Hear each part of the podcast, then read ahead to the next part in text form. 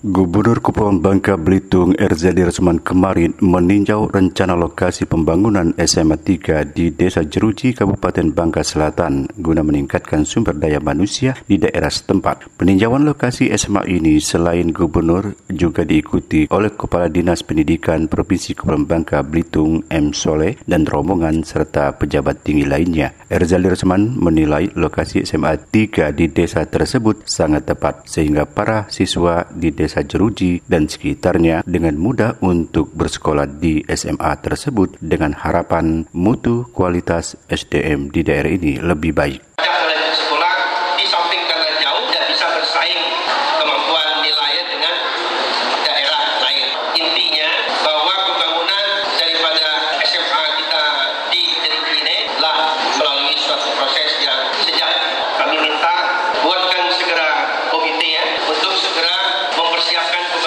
di kesempatan yang sama, Gubernur berharap agar sekolah SMA Negeri 3 segera dibangun sehingga tahun mendatang sudah ada pendaftaran siswa baru dengan harapan keberadaan sekolah ini dapat mendorong masyarakat di desa sekitar Jeruji dapat menyekolahkan anaknya di SMA ini. Sementara Kepala Dinas Pendidikan Provinsi Kepulauan Bangka Belitung M. Soleh mengatakan tanah tempat pembangunan sekolah hibah dari masyarakat seluas 6 hektar dan tahap pertama segera dibangun tahun ini sebanyak tiga kelas. Hasan Aim dari Pangkal Pinang melaporkan.